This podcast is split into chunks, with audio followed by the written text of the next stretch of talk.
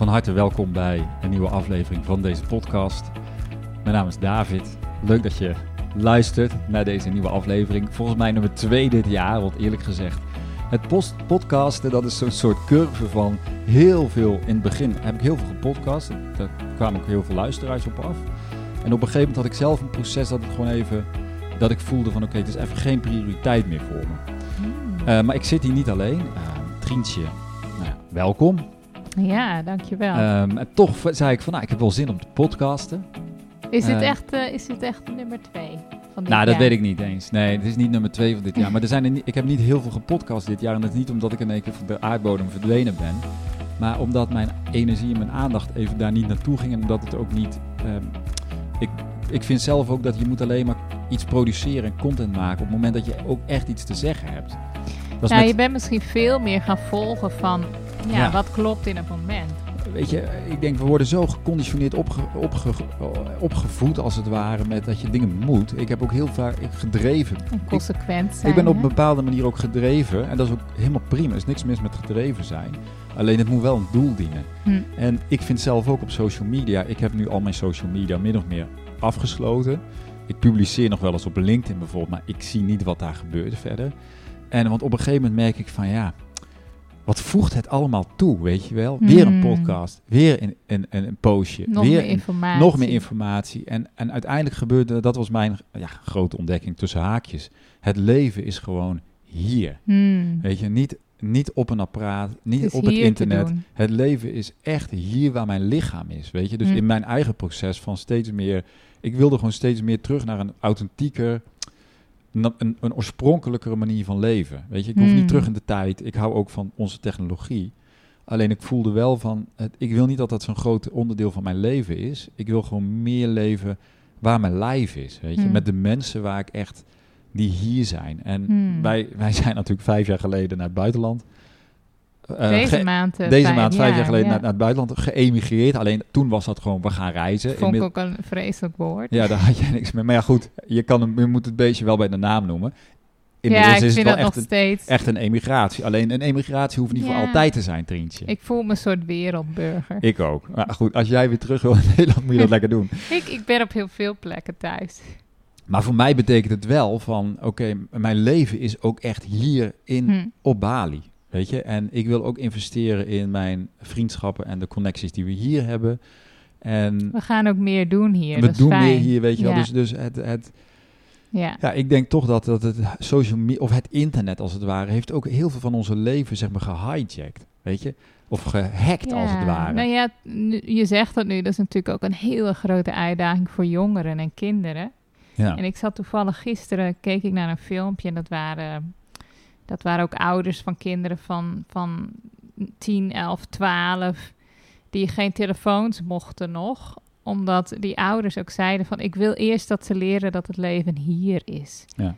Het leven hier wordt hier geleefd. Hè, en dat zie je dus ook al gewoon bij kinderen natuurlijk. Ze verdwijnen in zo'n apparaat en ze zijn ook echt weg. ja. Hè, ik Maar kwam- niet alleen kinderen hoor. onze kinderen kunnen dat ook doen. Hè? Ik kwam vanochtend thuis. Ik was gewoon lekker boodschappen gaan halen. En bloemen had ik mee. En ik had helemaal zin om thuis te komen. Ik dacht lekker met z'n allen zo. Zaterdagochtend lekker in de woonkamer. En toen kwam ik binnen en toen zaten, zaten er twee dochters in, op zo'n schermpje. En dan voel je gewoon ook echt... eh, gewoon, ja, er is niemand. Er is hè, het contact. Er is niemand thuis. Ja. Nee, en hè, wij, eh, wij hebben echt time limits en alles. Maar goed, dit was even een schermtijd. Het gaat er meer om dat gevoel. Je voelt gewoon gelijk van, oh, oké, ik was gelijk ook teleurgesteld. Want ja, het contact is er dan niet zoals hè, als, als, als je gewoon samen beneden zit. Dat Ja. was later, hebben we dat heus goed gemaakt. Maar Nee, ja. maar goed, ik denk dat het er meer om gaat. En dat, dat was voor mij ook wel echt een bewustwording van... oké, er gebeurt ontzettend veel in onze wereld, weet je. Ik bedoel, je hoeft het nieuws maar aan te zetten. en Het gaat echt van de ene naar het andere. dat was En dat houdt- ding, hè? En het houdt niet op. Ja, En ik werd daar op een gegeven moment een jaar geleden ook best wel ingezogen. En ik heb er ook best wel, vond ik dat ik daar wat van moest zeggen en zo op social media. Maar nu denk ik van, wacht even David, dat is helemaal mijn leven niet. Weet je, het klinkt zo Mhm. simpel, maar mijn Ja. leven is hier. En wat er ook in, wat voor landen in de wereld dan ook maar gebeurt, het heeft geen effect, zeg maar, op mijn kinderen. Eh, ja, het heeft wel effect op mijn relatie met mijn kinderen. als ik niet aanwezig ben. Hm. Hè, dus ik voelde wel van ja, daar moet ik wel echt even iets aan doen. Want ik wil gewoon, ik wil op een natuurlijke manier leven. Ik wil niet in mijn hoofd eh, met dingen bezig zijn die mijn leven niet aangaan. Hm. En ik wil natuurlijk wel op de hoogte zijn, net als heel veel mensen, denk ik. Maar ja, ik voel wel aan dat, dat we in een soort kantelpunt Nou ja. van de tijd zitten. Want eh, Ja, het is eigenlijk ook dubbel, want je zegt van wat mijn leven niet aangaat, maar dat is natuurlijk ook niet helemaal waar. Hè? Er gebeurt heel veel wat ergens, ja, natuurlijk. ergens natuurlijk ook invloed misschien kan hebben op onze levens. Maar Nou ja, we zullen allemaal de ripple effect voelen van, van oorlogen en van zeker nu de wereld kleiner en kleiner wordt. Alleen wij kunnen de politiek niet Nee. veranderen. Wij kunnen niet, nu, ik kan niet, ehm, ik kan iedere dag een stukje tikken op eh, social media, maar ik, ik, ik heb de illusie wel opgegeven dat ik daarmee zeg maar de wereld verander. En mijn invloedssfeer is veel meer, ligt gewoon in waar mijn directe relaties zijn. ja. Zo ervaar ik dat. Hè? ja, en dat zal misschien ook voor iedereen weer anders zijn. Ik denk wel dat we allemaal een soort van onze stem mogen laten horen. En je mag zeker ergens iets van vinden en, en roepen. Weet je, dat staat iedereen vrij. Alleen, ja, eh, de vraag is, voor mij was de vraag veel meer van, ja, waar speelt mijn leven zich af? En mijn Hmm. leven speelt zich hier af. En ben ik daar genoeg ook echt aanwezig? Precies, ja. Ja. Hoe kwamen we hier nou op?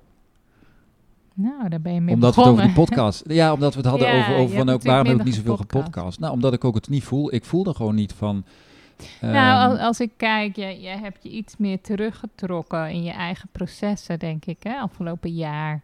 ja. Wat ook super belangrijk was. Ik zie dat dat heeft je heel veel gebracht. En wij en ons als gezin ook. En ja, ik denk soms moet je dat ook echt durven volgen. Van wat heeft mijn leven nu nodig? Hè? En soms is dat meer naar buiten gericht. En soms is dat meer even een terugtrekkende beweging.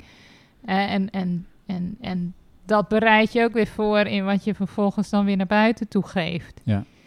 Dus ik denk dat je eigenlijk gewoon veel meer dat bent gaan omarmen zonder die druk in je hoofd van nee, ik moet daar aanwezig zijn. Want ik moet elke week die podcast en ik moet Ja. elke week eh, Nou, ik denk dat iedereen- artikel op LinkedIn. Nou ja, iedereen die dus zelf op de een of andere manier actief is, zeg maar als ehm, content creator, hè, op Hmm. wat voor platform dan ook, die krijgt ergens mee te maken met dat dat een soort van ehm, een bijna een verplicht nummer wordt. En zeker als je nog een soort van bedrijf hebt, zeg maar, waar je ook een- afhankelijk is, een- misschien een groot woord van social media. En heel veel mensen die heel actief zijn op social media, die hebben dat ook nodig voor hun onderneming. En dat is ook helemaal prima. Alleen ik voelde op een gegeven moment wel een proces dat ik dacht van ja, maar ik wil niet afhankelijk zijn van of ik wel een soort van aanwezig ben op die platformen. Want ik voelde ook dat het gaat in deze tijd allemaal om onze aandacht. Hmm. Ja, aandacht is waar die bedrijven allemaal op gebouwd zijn. Weet je, het vraagt allemaal van iedereen, ook de consumenten, hoeveel aandacht het wordt getrokken naar het nieuws, naar social media of naar tv of naar allerlei dingen. Dat vraagt voortdurend onze aandacht. En die aandacht gaat niet meer naar het hier en nu. Ja, creëren. En ook, ik, ik, ben, ik ben wel heel dankbaar dat mijn bedrijf gewoon goed loopt en dat mijn retraites, weet je, dat, en dat is een beetje mijn, Ja. mijn, mijn belangrijkste focus op dit moment, omdat ik die retraites ook belangrijk vind. En, Nou ja, dat heb je dus wel ontdekt ook afgelopen jaar, dat mensen jou dan toch vinden. ja. En, en hè, ook al heb jij een paar stappen terug gedaan en heb je dat gevolgd wat je voelde, toch weten Dat heeft mij niet te- geschaad, nee. Nee, dus nee. dat is natuurlijk ook de angst, denk ik, van de meeste ondernemers. Hè? Dat je gewoon elke keer daar moet staan, omdat anders mensen jou niet meer vinden. Ja. Nou, dat is niet zo gebleken bij jou. Nou, ik denk dat het dus veel belangrijker is dat je de juiste dingen doet op het juiste moment. Ja, Hè, dus dat komt dan toch terug bij Ja. je intuïtie. Uiteindelijk je intuïtie durven volgen, ook al Mm. gaat het in tegen zeg maar, wat iedereen doet of wat iedereen zegt. Hè, dus soort van vasthouden aan je eigen koers in het leven.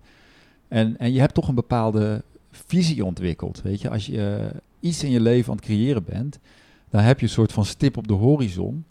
En eh, maar die stip op de horizon, als, voor mij is die heel uniek.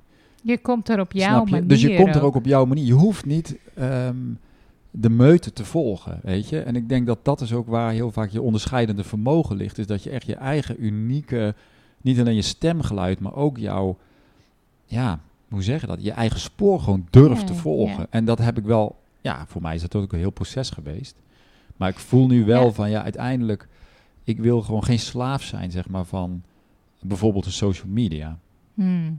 Nou, en ik denk eh, het eigen spoor volgen, dat heeft heel vaak te maken met dat je ook vertrouwt. Hè? Want heel vaak zie je niet alle stappen Nee. van tevoren. En dat, dat, daar groeien we mee op. Zo van, eigenlijk moet je het allemaal Overzien. voor je zien tot je 67ste. Maar laten we eerlijk zijn, dat werkt voor de meeste mensen niet meer zo.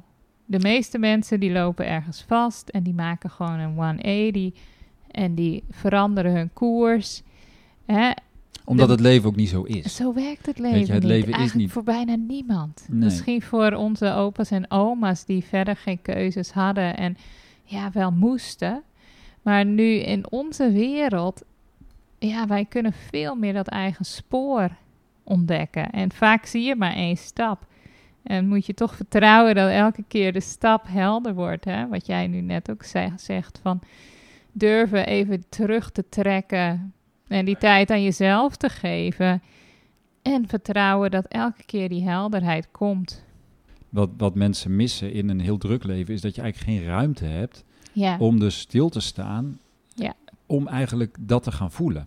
Ja. Hoe kun je nou gaan voelen wat je wil? Of wat je, als, als, je jij niet. razende als je- trein ja, zit. Dat Ja. is onmogelijk, weet je. Dus je moet een stap terug nemen. Kijk, en alle, alle mensen die naar mij toekomen hier in Bali om een retraite te doen, dat is natuurlijk een Ja. onderdeel van een proces in hun leven. Waarin ze voelen dat van ik sta hier op een kruispunt. stappen. Want ik heb hier met mijn bedrijf al het een en ander, maar vaak ook in een relatie wat van alles speelt. En ik weet niet, geen één keuze is eigenlijk de juiste keus. Hm. Maar er is een bepaald dilemma. Ja, wat doe je dan? En ehm, ja, weet je, ik denk dat dat, een, dat dat voor veel, steeds meer mensen belangrijk wordt, weet je, om toch stil te staan. Ja. En dus er ook de vraag, wie ben ik eigenlijk? En waar leef ik voor? Ja, dat zijn gewoon hele wezenlijke vragen. Ik weet nog dat een van jouw klanten dat zo mooi zei. Die zei, ja, ja dit was niet in eh, Limburg gebeurd. Hè? De inzichten die hij Ja, had ja. gekregen en gewoon de kwartjes die waren gevallen. Gewoon alleen al door het feit dat je uit je leven stapt. En dat je gewoon echt even vanaf een afstand in de rust gewoon tijd neemt om iets van, ja, Het zakken in ons lijf, hmm, ja, dat kun je niet zo goed uitleggen. Maar eigenlijk betekent dat gewoon dat, dat, je, dat je hoofd stil wordt. ja, En wanneer wordt je hoofd stil? Daar is tijd voor nodig en afstand. ja. En eigenlijk ook een soort van afstand van onszelf. Hè? Niet, niet een dissocia- dissociatie, maar wel van die gedachten die het gewoon, ja, die, die vinden van alles en die houden ook niet op. Hmm. Weet je, dus dan kun je ook niet, je kan ook niet je gedachtenprobleem oplossen met nog meer denken. Hoe, hoe heb jij dat eh, ervaren? Want als ik, als ik eh, als jouw vrouw, jouw partner, heb ik wel enorme shifts daarin gezien de afgelopen jaren. Van dat jij veel meer in het nu, in het moment, je over kan geven aan wat kloppend voelt. Veel meer vertrouwen ook. Ik denk dat het inderdaad veel met te maken heeft met mezelf veel beter leren kennen. Hmm. En En- daarin inderdaad zien dat ik echt een uniek eigen proces heb. En Ja. iedereen. Maar dat je dat proces leert kennen. Je moet je eigen proces leren Ja. kennen. En ik zeg wel eens ook tegen klanten van, maar ja, weet Ja. je, er is niet een quick fix in het leven. Maar er is wel een proces wat je kan helpen. En, dus het, en, en dat is het proces wat, wat ik zelf ook bewandel. En dat is het proces van jezelf leren kennen. En je leven leren zien vanuit een heel ander perspectief. Wij zitten uiteindelijk gevangen in onze eigen oogkassen. Hè? Wij kijken naar ons leven vanuit onze eigen oogdoppen, zeg maar. En dat is ons perspectief op het leven. Hmm. En, en eigenlijk ga je natuurlijk, je gaat meer, hoe meer je kan uitzoomen, hoe meer je gaat zien. Even helikopteren. Ja, je moet helikopterview kunnen hebben op jouw leven. maar Als, daar je heb dat, je soms wel hulp bij nodig, denk ik. als ja. je dat niet kan, zeg maar, en dat, dat leren we niet aan, denk ik. Ja. Maar ik denk wel eens, moet je voorstellen, eh, we hebben nu, vanaf het moment dat er de mensen konden gaan vliegen, Mhm. en dat is nog maar iets van 100 jaar geleden, Dat Konden intrigeert me ook nog konden mensen mateloos. letterlijk van boven naar beneden kijken. Ja. Tot die tijd Ja. bestond een bird's eye view bestond gewoon niet. ja. Weet je, nu heeft iedereen een drone, zeg maar, dus nu kun je letterlijk Nou van boven naar beneden kijken. Maar Misschien in een boom. als je het hebt over bewustzijn, en wij, we hebben het veel over bewustzijnsontwikkeling eigenlijk, hè, en, en bewust worden, ja, dat, is na, dat gaat heel erg over wat je ziet Hmm. En wat je voelt. Hè. Dus ehm, gewaar worden van wat zie ik en ook gewaar worden van wat voel ik. En als jij niet in je lijf leeft, dan kun je ook niet gewaar zijn van wat je voelt. Want dat hoofd Ja, ja, dit mooi. domineert alles. Snap Ja, je? nee, ik snap het. Je, je hoofd moet eigenlijk even eh, naar boven, een bird's eye view. En je lijf moet echt voelen. dat, dat is een proces. Je kan niet zeggen, ik ga nu mediteren heel de dag, dan ga ik heel veel voelen. Ja, dat, zo werkt het niet. Hoe kijk jij terug op je eigen afgelopen vijf jaar dan? Hè, want eh, kijk, toen wij weggingen uit Nederland, hadden wij een compleet ander leven. Je werkte gewoon in het bedrijf met je vader. Wij, wij zeggen wel eens gekscherend, we waren eigenlijk twee andere mensen. Ja. Ja, ik, ik, ik, weet, ik denk dat iedereen wel in zijn leven op punten komt dat je tegen een soort van plafond aan zit. Nou, en jij, jij En- wist eigenlijk van dit ben ik niet En, echt. en, en als je gaat voelen van, ja, dat is toch weer een kwestie van voelen. En je voel, iedereen voelt het wel. Het is niet dat wij niet voelen. We hebben gewoon niet geleerd om naar ons gevoel serieus te nemen. nou, jij En voelde, ernaar te luisteren, snap je? jij Ik wist- al jaren dat dat jouw leven niet Ik was. wo- wist van, dit is, dit is prima leerschool. En dat kijk ik ook met heel veel dankbaarheid aan terug. Hè. Dus begrijp Ja. me niet verkeerd. Ik denk dat ik daar heel veel geleerd heb. Alleen, het was niet mijn, mijn, mijn leven. En nu kan ik zeggen van, ja, maar nu leef ik echt mijn eigen leven. Hmm. En het maakt mij niet uit wat een ander doet. Maar ik zit gewoon op mijn eigen spoor en ik vind het wel prima. Nou, ik denk je? dat dat de shift is die je maakt als je echt gewoon je eigen pad vindt. Dan, ga je, dan kijk je ook niet meer zo naar anderen. Nee. Dan zit je echt op je eigen spoor. Ja, en ik denk dat er heel veel, we worden natuurlijk, we kijken heel veel naar anderen. Dat leren we op school al van wat, wat voor cijfer heeft mijn buur, buurvrouw Ja. of mijn buurjongen. En wel- welke studie ga jij Ja. doen? Hmm, naar welke school ga jij? Hoeveel ga jij Ja. verdienen? weet je, wat heb jij? dus, dus dat houdt eigenlijk niet op, weet je. Wat voor huis heb jij? heb jij? Heeft de buurman weer een nieuwe auto?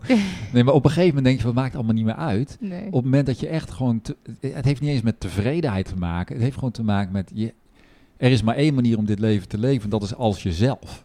En als je Nou ja. niet jezelf kan zijn, ja, dan, dan heb je dus heel veel andere dingen nodig om dat op te vullen.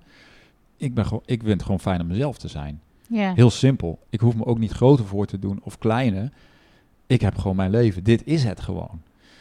En dat gevoel had ik toen niet. Ik had Hmm. toen niet het gevoel van, nou, nee, dit is mijn leven. het dus de hele dus tijd. ik denk wel dat je kan bin- van binnen kan voelen of iets wringt aan je leven of ja, niet. En de vraag is natuurlijk, kun je daar naar luisteren? ik weet dat nog wel. Dat is wel het is wel een heel vervelend gevoel. Wij, wij hebben dat natuurlijk jaren gehad voordat we echt stappen gingen zetten. Omdat, ja, we kregen het misschien ook niet eerder niet echt rond. Het was ook best wel een heel groot proces. Ja. Maar ik weet nog wel die onrust van dat wringen. Wat altijd op de achtergrond, zeg maar, toch een beetje meespeelt. En, en toch kan ik ook zien dat ik in het moment wel echt kon genieten van ook dingen die er waren. De kinderen die Ja. opgroeiden en zo. Ik geloof wel dat dat voor iedereen kan. Ja, Weet je, dat er een leven is. En dat wil niet zeggen dat je huidige leven niet...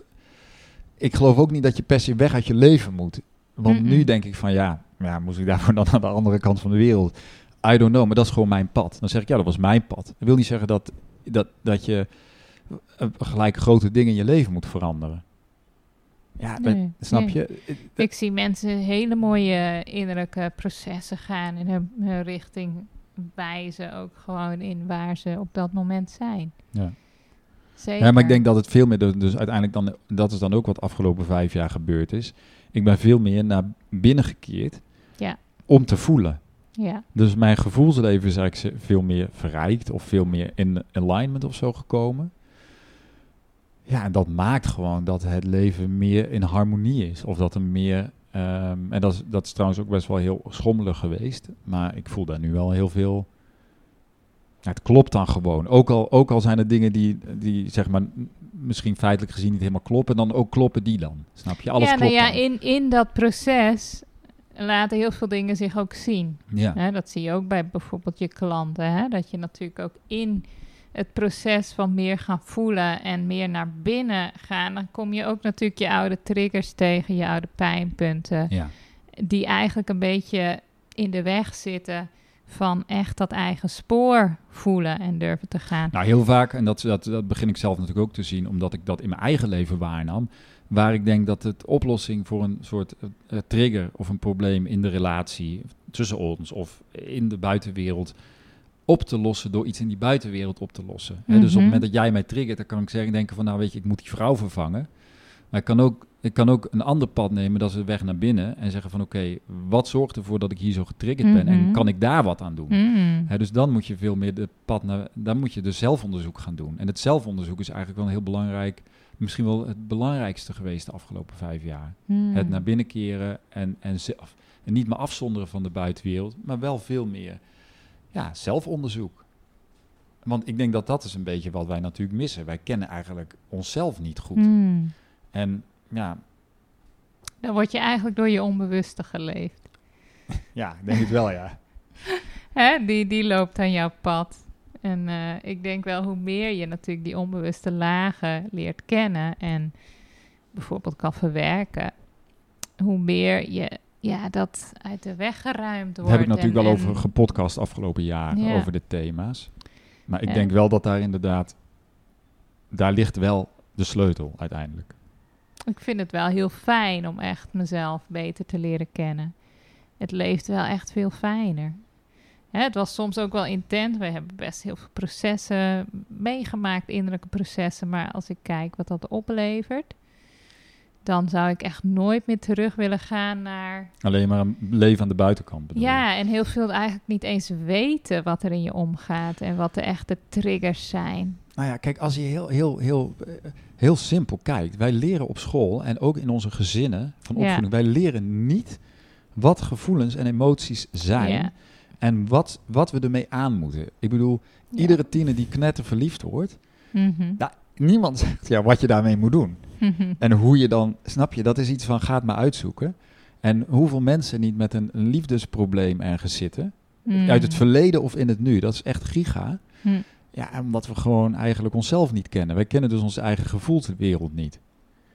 En ja, dan moet je nagaan wat dat veroorzaakt. Ja, ook alleen het, het hele beeld van verliefdheid. Ik weet nog, dat, eh, jaren geleden hadden we het daar samen al wel eens over. Want je kan natuurlijk in een lange relatie kan je ook eens gevoelens hebben voor iemand anders. Uiteraard. En zeker als je gaat begrijpen hoe verliefdheid werkt. Dat is heel vaak, daar zitten heel veel projecties in. Dus iets in de ander spreekt je aan. Vaak wat je in jezelf onderdrukt. Of wat je in jezelf gewoon ja, zou willen. Hè? Een soort verlangen. Als je dat mechanisme gaat begrijpen en je gaat het zien als een, ook een interessant onderzoek van... hé, hey, wauw, wat raakt me in die persoon? En, hè, en in die spiegel kijk, wat, wat, wat voel ik daar zelf bij? Ja, ik denk dat bij het voelen, hè, het voelen gaat natuurlijk veel meer over.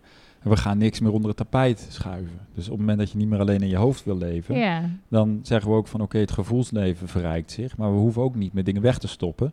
Want je voelt wat je voelt. Ja, ja, dus, Kun je wel zeggen van eh, ik, ik, ik doe alsof dat gevoelen niet is. En dat doen heel veel mensen. Nee, alleen geen- gevoel is er met een reden. Of dat nu verliefdheid is of, Ja. of boosheid of jaloezie. Ja, Weet je, al, die, al dat soort gevoelens en emoties, ja, die dringen zich aan je op. En daar kun je wel willen wegstoppen. En ik heb dat ook heel... Bijvoorbeeld jaloezie is ook echt eentje. ja, Is een not done, hè?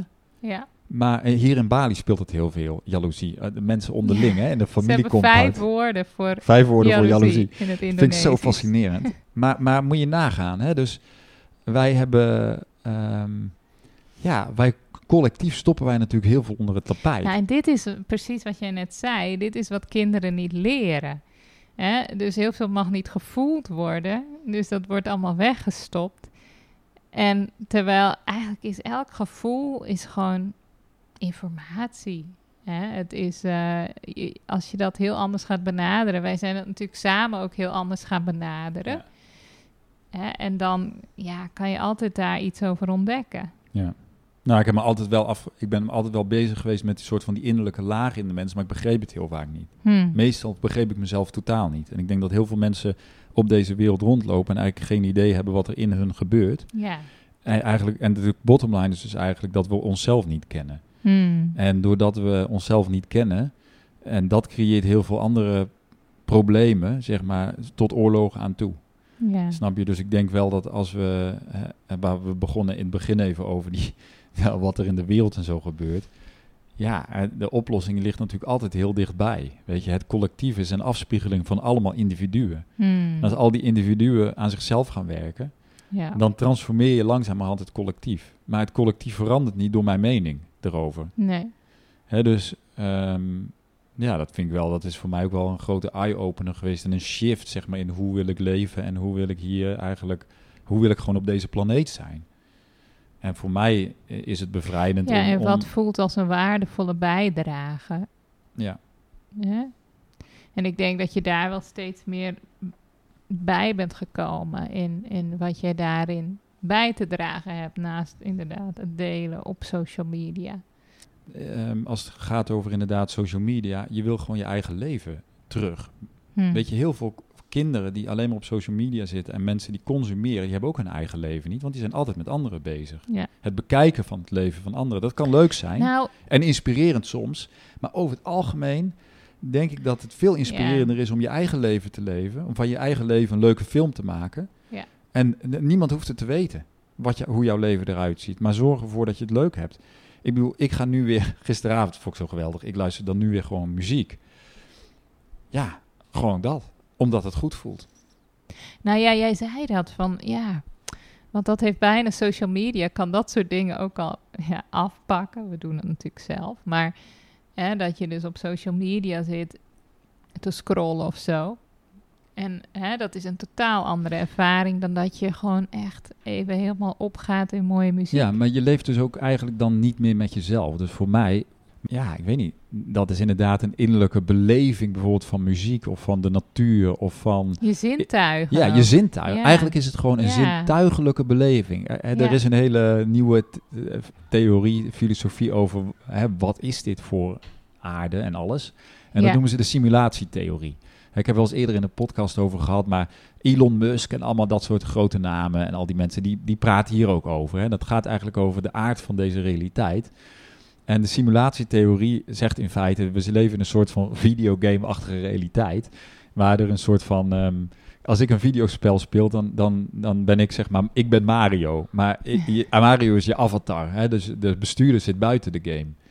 Hè, dus het idee is eigenlijk dat we, ehm, ja, weet je, je hebt die zintuigen hier nodig. Wat er van, het gaat maar meer om het hele idee ervan. Hè. En die- Hmm. dat idee kon alleen maar ehm, ontwikkelen doordat we nu inderdaad computerspellen hebben waarin dat een realiteit is. De, Ja. de gameplayer zit buiten het spel. Hm. Maar in deze realiteit zijn het onze zintuigen en ook wel je intuïtie en je hart, zeg maar, waarmee je hier kan navigeren. En, en dat is denk ik hetgene wat het leven in werkelijkheid mooi maakt. Niet hoe hard je kan nadenken over dingen. Ja, ik denk dat daar de, de, de transformatie zit. En ook hè, veel mensen die vastlopen, is heel vaak dat je gewoon vooral in je hoofd zit. Ja. Hè, en dat je eigenlijk vastloopt in je hoofd. En wat eigenlijk ook een grote zegen is. Want hè, het, het leven Moet je op is... zoek naar een betere weg. Ja, en ik denk dat er zoveel meer is te ontdekken in... ehm, eigenlijk gewoon je zintuigen en gewoon veel meer belif, belichaamd. Belichaamd leven. Ja. En dat is wel mooi aan eh, human. Wij zijn natuurlijk allebei best wel met human design bezig. Even heel kort dan. Eh, In feite zegt eh, eh, Hm. eh, human design heeft er een heel mooie zienswijze op, want die zeggen eigenlijk van jouw mind is prachtig, maar hij is bedoeld, je mind is bedoeld zeg maar als ouder authority voor die ander. Dus Hm. die mind is prachtig om gesprekken te hebben en om, met elkaar van gedachten te wisselen en perspectieven te delen. Alleen je moet je mind niet in charge laten zijn van het nemen van je beslissingen. Hm. Want dan ben je heel de dag bezig met alle beslissingen die je moet nemen. En dat is eigenlijk niet intelligent. Je, je gebruikt dan eigenlijk je, je, je mind niet waar die voor gebruikt moet worden, namelijk om wat zie je Hm. en wat kun je eventueel delen daarover met een ander. Hm. Hè, dus als ik de hele tijd heel druk ben met ik moet een lijstje afwerken van tien dingen, ik moet allemaal beslissingen nemen, ja, dan ben ik heel druk in mijn hoofd, maar mijn hoofd is niet vrij. Ja, plus dat eh, ook vaak is dat heel verwarrend. Hè? En dat, dat zie je ook.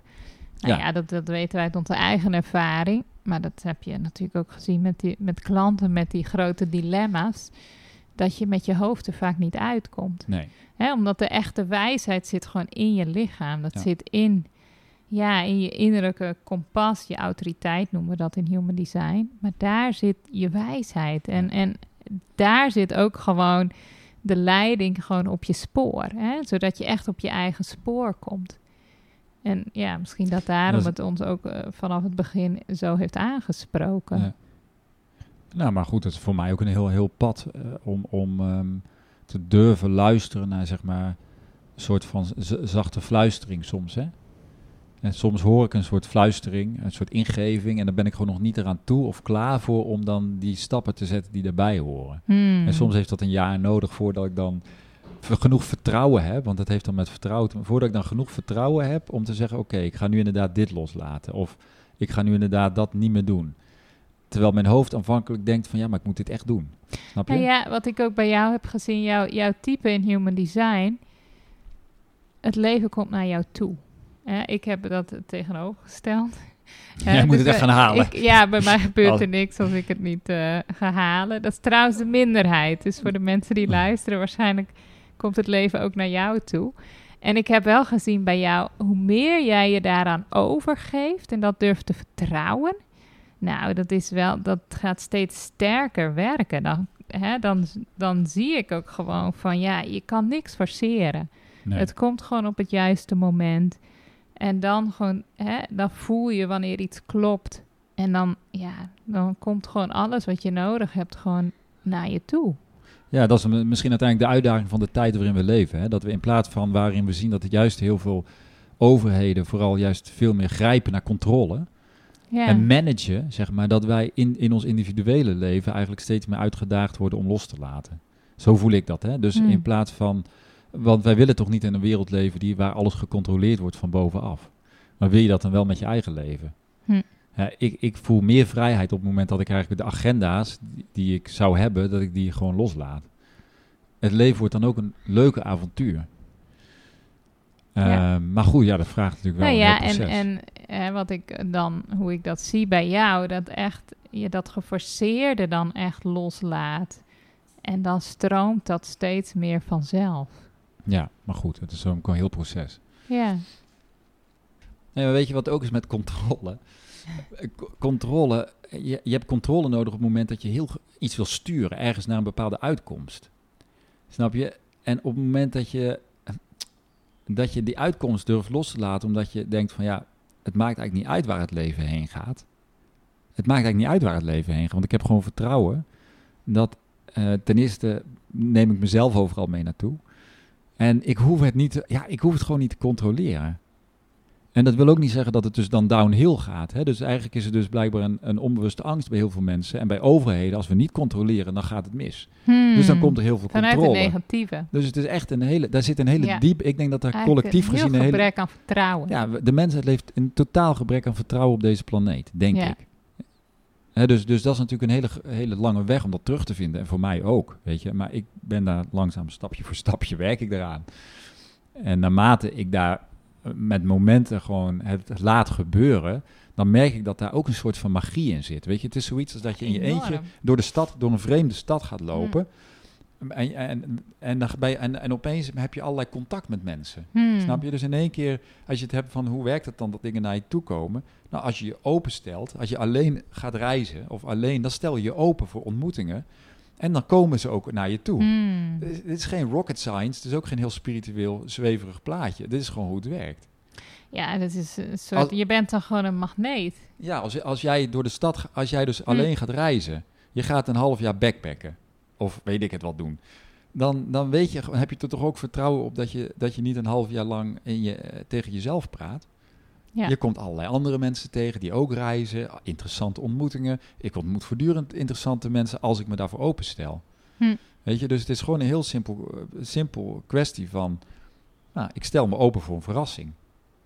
Nou ja, ik denk dat jij eh, dat stuk in jezelf hebt ge... Ja, hoe, hoe zal ik dat zeggen? Ontketend.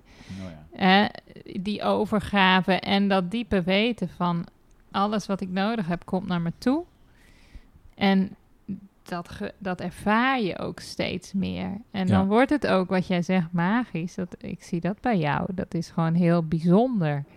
Hoe, ehm, hoe dingen dan gewoon komen gewoon en kloppen. En ehm, Maar ik Ja. denk dus helemaal niet dat het niet omdat het magisch bij mij is. Ik denk gewoon dat dat is, uiteindelijk is dat gewoon Ja. hoe het leven werkt. ja, zeker. Hè, dus dat is voor, het is voor iedereen denk ik, of weggelegd. Het is gewoon Ja. een kwestie van je durven loslaten, die controle Ja, loslaten. dus die controle Ik- zit in de weg. En ik zeg niet dat ik daar zo super goed in ben. Alleen ik heb ook gedwongen, soms misschien zeker door de afgelopen vijf jaar, ik heb ook echt dingen moeten loslaten. ja, Weet je, omdat we gewoon bepaalde dingen letterlijk niet meer vast konden houden. ja, Dus ja, weet je, dat is ook gewoon. Uiteindelijk is dat dan een zegen, weet je. En dan zeg ik van wauw, ja, we zijn zo in een hele andere wereld beland nu. ja, dus dat heeft ons uiteindelijk geholpen om dit soort dingen te ontdekken. Ik denk als je natuurlijk in een hele gecontroleerde, een heel gecontroleerd leven zit, hè, dan geef je daar ook de ruimte niet voor. Kijk, wij denken heel vaak met, met, met bijvoorbeeld als het gaat om een bedrijf. Hè? Bijvoorbeeld, je hebt een, een business of een bedrijf en dan heb je het idee dat je moet gaan bedenken een bepaalde strategie, bijvoorbeeld. Hm. Maar eigenlijk moet je gewoon je leven laten gebeuren. En de strategie of de, de, waar het heen gaat, dat De ligt stappen. eigenlijk al besloten in je leven. Weet Ja, je, ik had van je afgelopen week had ik hier een klant en toen hadden we een gesprek ook, ook over carrière. Ik zeg, ja, maar eigenlijk ligt het toch allemaal al in je veld. Hm. Je hoeft niet te bedenken met je mind wat je gaat doen. Hm. Je hoeft alleen maar te zien wat je al gedaan hebt en hoe dat, hoe, hoe, waar dat naartoe beweegt. Ja, het hele idee dat jij los staat of dat je bijvoorbeeld in een, in een tussenfase zit. Ja, er zit altijd toch een vorm van continuïteit als je terugkijkt. Als ik terugkijk op mijn leven, dan is het niet in één keer abrupt. Alles klopte op de een of andere manier toch. Hm. Weet je, dus het is denk ik toch weer een. Ik, denk dat er echt een, een, een, een ehm, ding is van gewoon anders leren kijken naar onszelf en naar de Mm. wereld. En dan moet je op de een of andere manier meer je perspectief durven vergroten. Ja, dan Snap je zie het plaatje. Omdat je gewoon, meer. wij zien onszelf gewoon niet als we in een koker zitten. Ja, Ja, soms heb je daar wat hulp bij nodig, weet je. Of even een, eh, ja, he- een, soms heb je daar ook een heftige of een ingrijpende gebeurtenis voor nodig, waardoor je echt een heel ander perspectief krijgt op je Ja, leven. Ja, die En dat is niet altijd leuk. Een de- wake-up de- call is niet altijd leuk. nee. Maar sommige mensen hebben die wel echt. Wij hebben dat allemaal soms nodig, denk ik. Ja, that's how life works. Ja, en ik denk hoe meer je vrijwillig ook gewoon naar binnen wilt gaan en wilt kijken, ja, hè, dan heb je misschien soms niet die, die uiterlijke opschudding nodig. nee. Maar die kan eh, uiteindelijk kan dat eh, ja, je grootste katalysator zijn. Grappig, wij beginnen dus een podcast en eigenlijk ge- heb ik geen. Ja, er, er gaat gewoon een treintje rijden. En geen idee waar het treintje heen gaat. Dat is ook zoiets. Maar dat komt ook, ik ben natuurlijk ook niet strategisch in mijn. Hè, sommige mensen hebben veel meer structuur nodig. En die hebben wel, en dat kan ook heel goed zijn voor je. Dus het wil niet zeggen dat, dat, dat je het idee moet hebben dat je helemaal eh, geen ideeën mag hebben over je leven. Ik denk zeker wel. Ik heb ook een toekomstvisie. Alleen ik ben nu niet iedere dag aan het werk om die toekomstvisie te forceren. Die gaat wel gebeuren. En, maar ik laat het gewoon op zijn plek vallen. Hoe dat precies Hoe gaat het- gebeuren. De, de, de, de Ja. hoe hoef ik niet meer te controleren. ja, maar, Maar- vervolgens ga je dat niet zelf forceren. Nee, ik denk wel dat het met het, met het soort van voor je zien, op het Hm. moment dat je iets voor je kan zien, dat betekent dat je het ook kan realiseren. Als je Hm. het echt niet voor je kan zien, dan, dan, dan gaat het ook niet gebeuren. Hm. Hè, dus wij zagen voor ons dat we in het buitenland met onze kinderen naar het buitenland gingen. En dat we ook dat homeschoolen gingen ontdekken. Dat konden wij echt wel voor ons zien. Hm. Ja, als je dat totaal niet, niet kan zien dat het iets voor je is, ja, dan ga je dat ook niet doen. En dat is dus helemaal prima. Hè? Dan Hm. is het niet jouw pad. Hmm. Dus ik denk dat we, niet, als een, dat we ook die conditioneringen daarover los moeten laten. Over eh, wat, je, wat succes is bijvoorbeeld. Hè, er is ook een heel eh, specifiek plaatje in onze wereld over wanneer je succesvol bent. En dat is ook een heel geconditioneerd beeld. Ja, Hè, dus dan ga je denken, ik moet succesvol zijn. ja. Terwijl jouw succes misschien via een totaal andere route is. En dat je dan uiteindelijk ook succesvol wordt, maar, maar, maar op een hele andere manier. Ja, en, en- ja, precies. En succes is ook hoe je het zelf beleeft. Dus wat, wat is echt succes? Ja. Nou ja, succesvol zijn, denk ik, is jezelf zijn.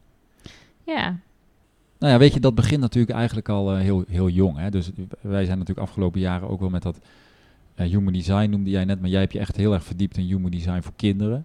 Van hoe kun je nou kinderen eigenlijk al... Het begint toch wel in onze jeugd al. Want daar wil je toch zijn, hè? Want eh, ik zei tegen... Ik heb met klanten best veel gesprekken over gewoon het, het levensverhaal. Hè? Dus het gaat daar mis. het ga- ja, het gaat gewoon mis in onze kindertijd, in onze tienertijd. Omdat we Dat gewoon... je gaat aanpassen. Voilà.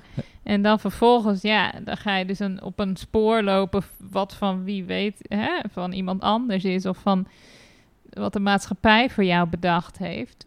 In ieder geval niet je eigen spoor en dan kom je ergens uit en op een gegeven moment loop je vast. En dan is het een hele weg terug. Hè? En, en dat is waarom ik heel graag met ouders en kinderen werk. Dan denk ik, ja, daar moeten we zijn. Bij die kinderen, bij die ouders. Hè? Want als die, die ouders gewoon dat kind kunnen zien, hè? dat authentieke kind, die blauwdruk van dat kind, dan kunnen ze gewoon eigenlijk daar gewoon ruimte voor scheppen.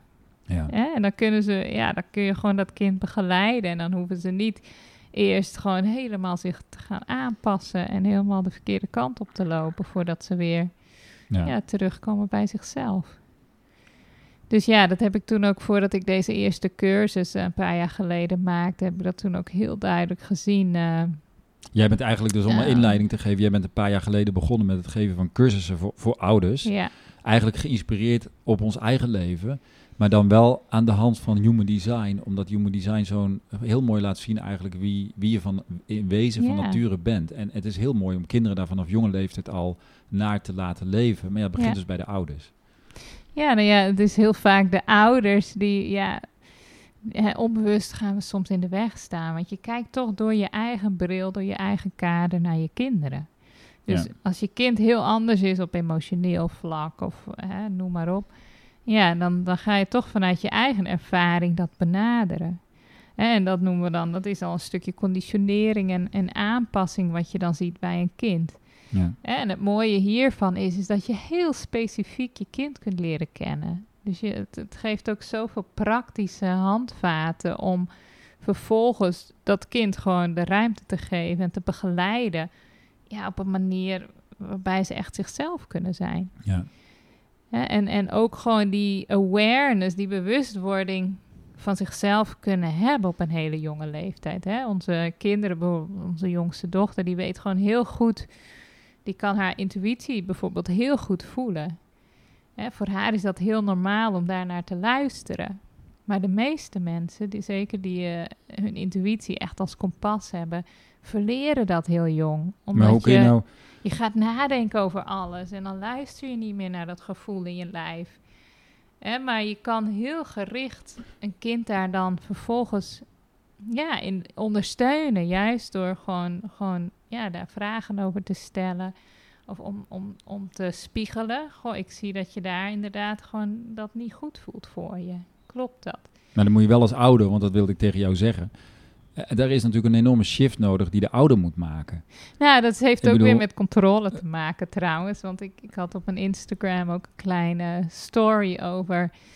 Ik ging behangetjes uitzoeken met deze jongste dochter. En ik ging me er een beetje mee bemoeien. Want soms wil je toch die vinger in de pap. Als ouder, ja. En toen heb ik haar een beetje overgehaald. Want ze wilde een wit behangetje. En ik dacht, ja, dat is niet handig, want die ondergrond is niet zo glad.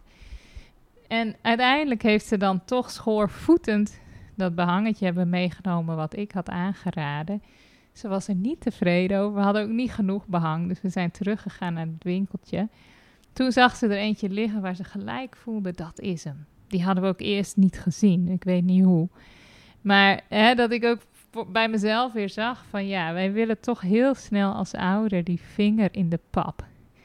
En dan ga je eigenlijk in de weg staan hè, van je kind om, om zelf echt goed te voelen. Nou ja, en, je, en de vertrouw je dus inderdaad niet op het proces dat, dat het kind misschien wel een fout maakt of dat er iets misgaat en dat dat ook oké is. Ja, en, en weet je, ik, hè, het is gewoon zo simpel.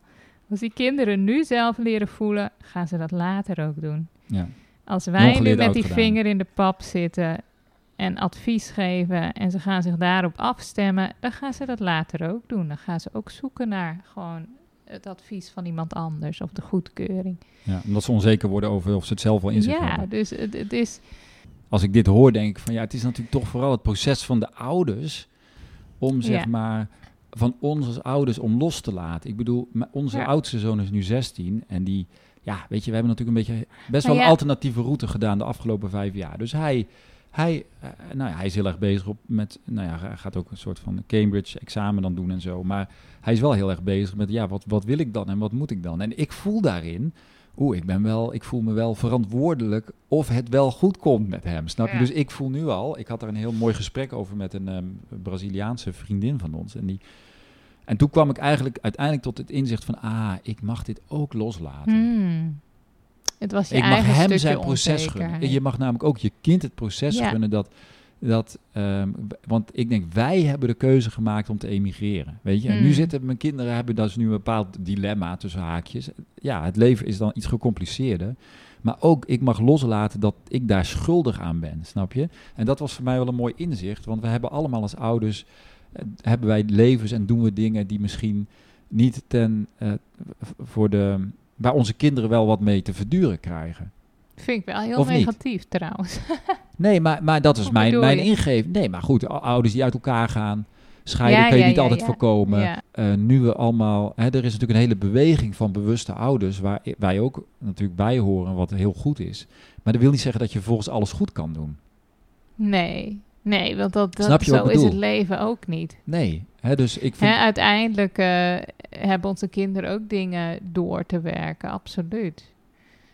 Hè? ja, En, en eh, ik denk wel dat heel veel te maken heeft met eh, hoe, kun je, hoe kun je ze ondersteunen. Maar ik denk dat we de, de illusie absoluut los moeten laten dat we het allemaal goed kunnen doen. Maar ik merk wel hoe meer je aan jezelf werkt, hoe meer dat ook positief doorwerkt naar de kinderen. uiteraard. Maar ik zie ook nog de dingen waar ik gewoon nog ja, triggers heb en gewoon wat oude ballast. Ja, wat natuurlijk gewoon wel, waar zij ook last van kunnen hebben. Ja. ja Maar goed, it's er all is in the game, Ja, it's uiteindelijk. all in the game. Dus En toch denkt elke ouder waarschijnlijk dat Ik wil dat het beter doen, perfect- Ik vind het ook heel mooi. Ik denk ook dat, dat ouders, eh, ja, gewoon absoluut... Ja, alles wat je in jezelf doorwerkt, heeft een positieve invloed op je kinderen. Ja. Dus eh, gewoon, ik, ik, ik, ik juich dat iedereen gewoon toe, ook mezelf. Dat is gewoon heel waardevol. Maar laten we alsjeblieft het idee loslaten dat we überhaupt perfect kunnen zijn. En dat we kinderen af moeten leveren ongeschonden. die helemaal on- dat gaat ook niet. Nee. Dan moet je, weet ik veel, in de hemel blijven. Of hè, dan hier op aarde. Dit is gewoon een planeet waar we leren. Door vallen en opstaan. En ook door lastige dingen. En ik zeg dat nu wel heel gemakkelijk. Maar voor mij was dat ook heel lang. Ik heb ook heel snel schuld gevoeld als ouder. Gewoon als ik het gevoel had van, oh, ik schiet tekort. Of ik had dat anders moeten doen. Of ik, ik hè. En ik leer langzaam, ook omdat ik mezelf meer Ja. toesta om te leren en te vallen. En op Maar dat is hè. Het begint weer bij mezelf.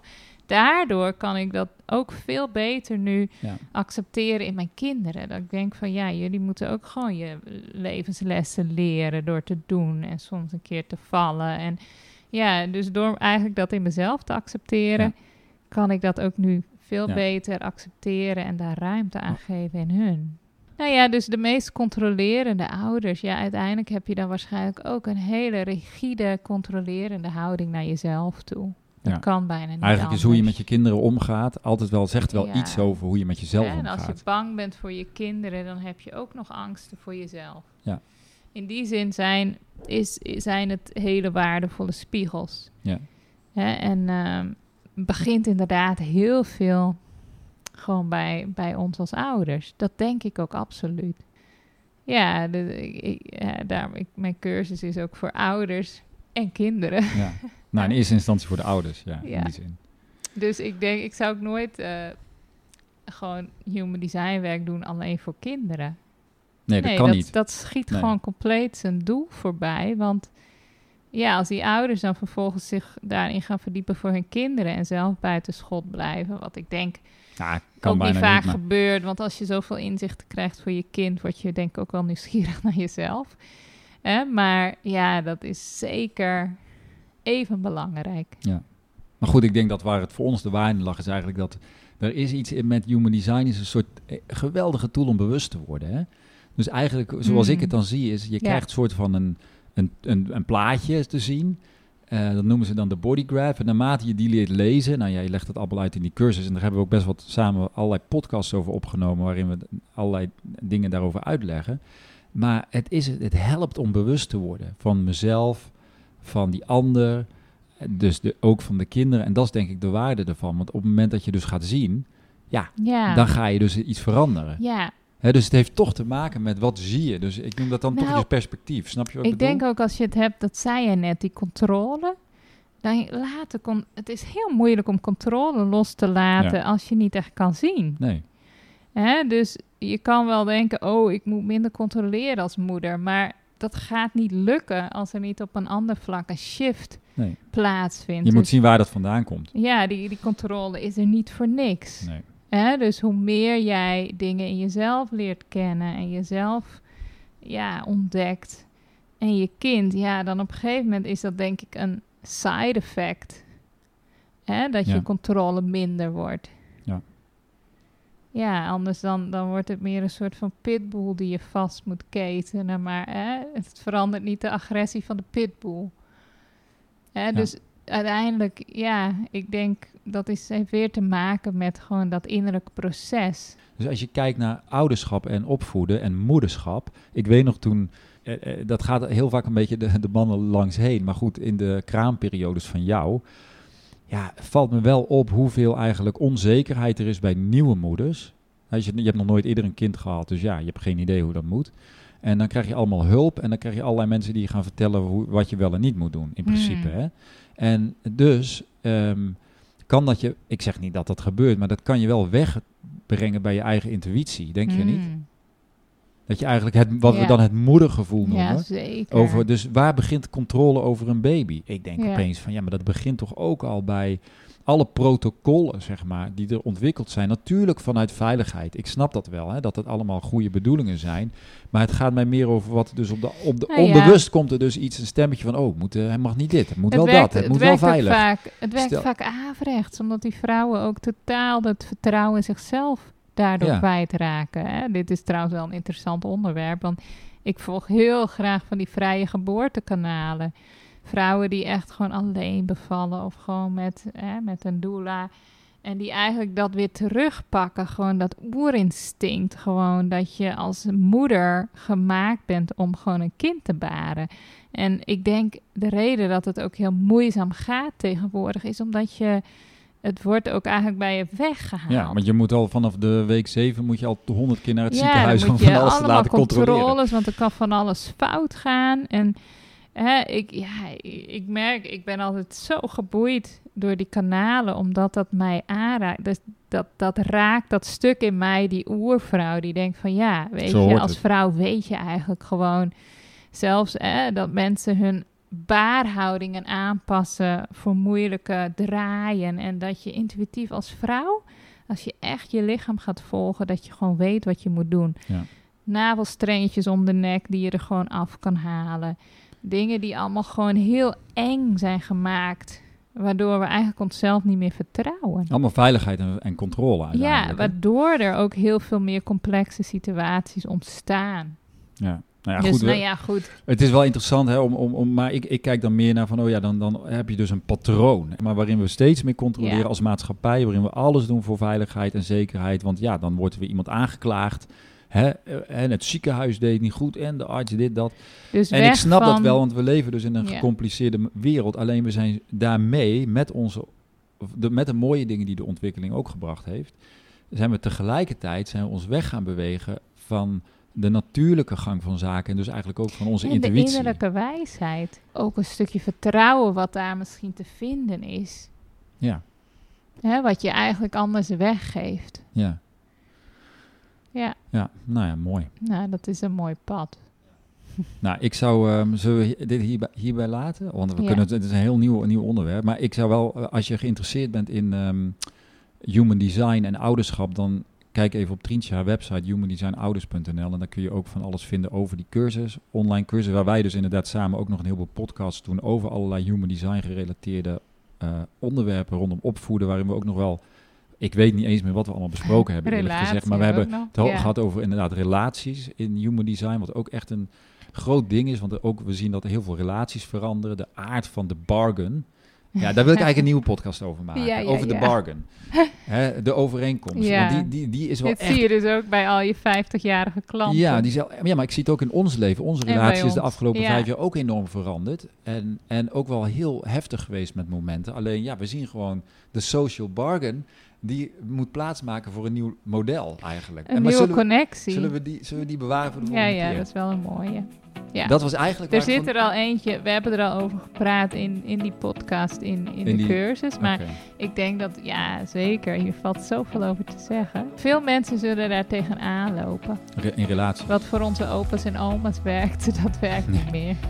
Nee, maar je ziet het ook bij de jongeren. Ja, Nou, goed. Oké, Dat wordt de volgende. Eh dus humanddesignouders.nl. Mocht je interesse hebben in een retraite, kijk even op mijn website.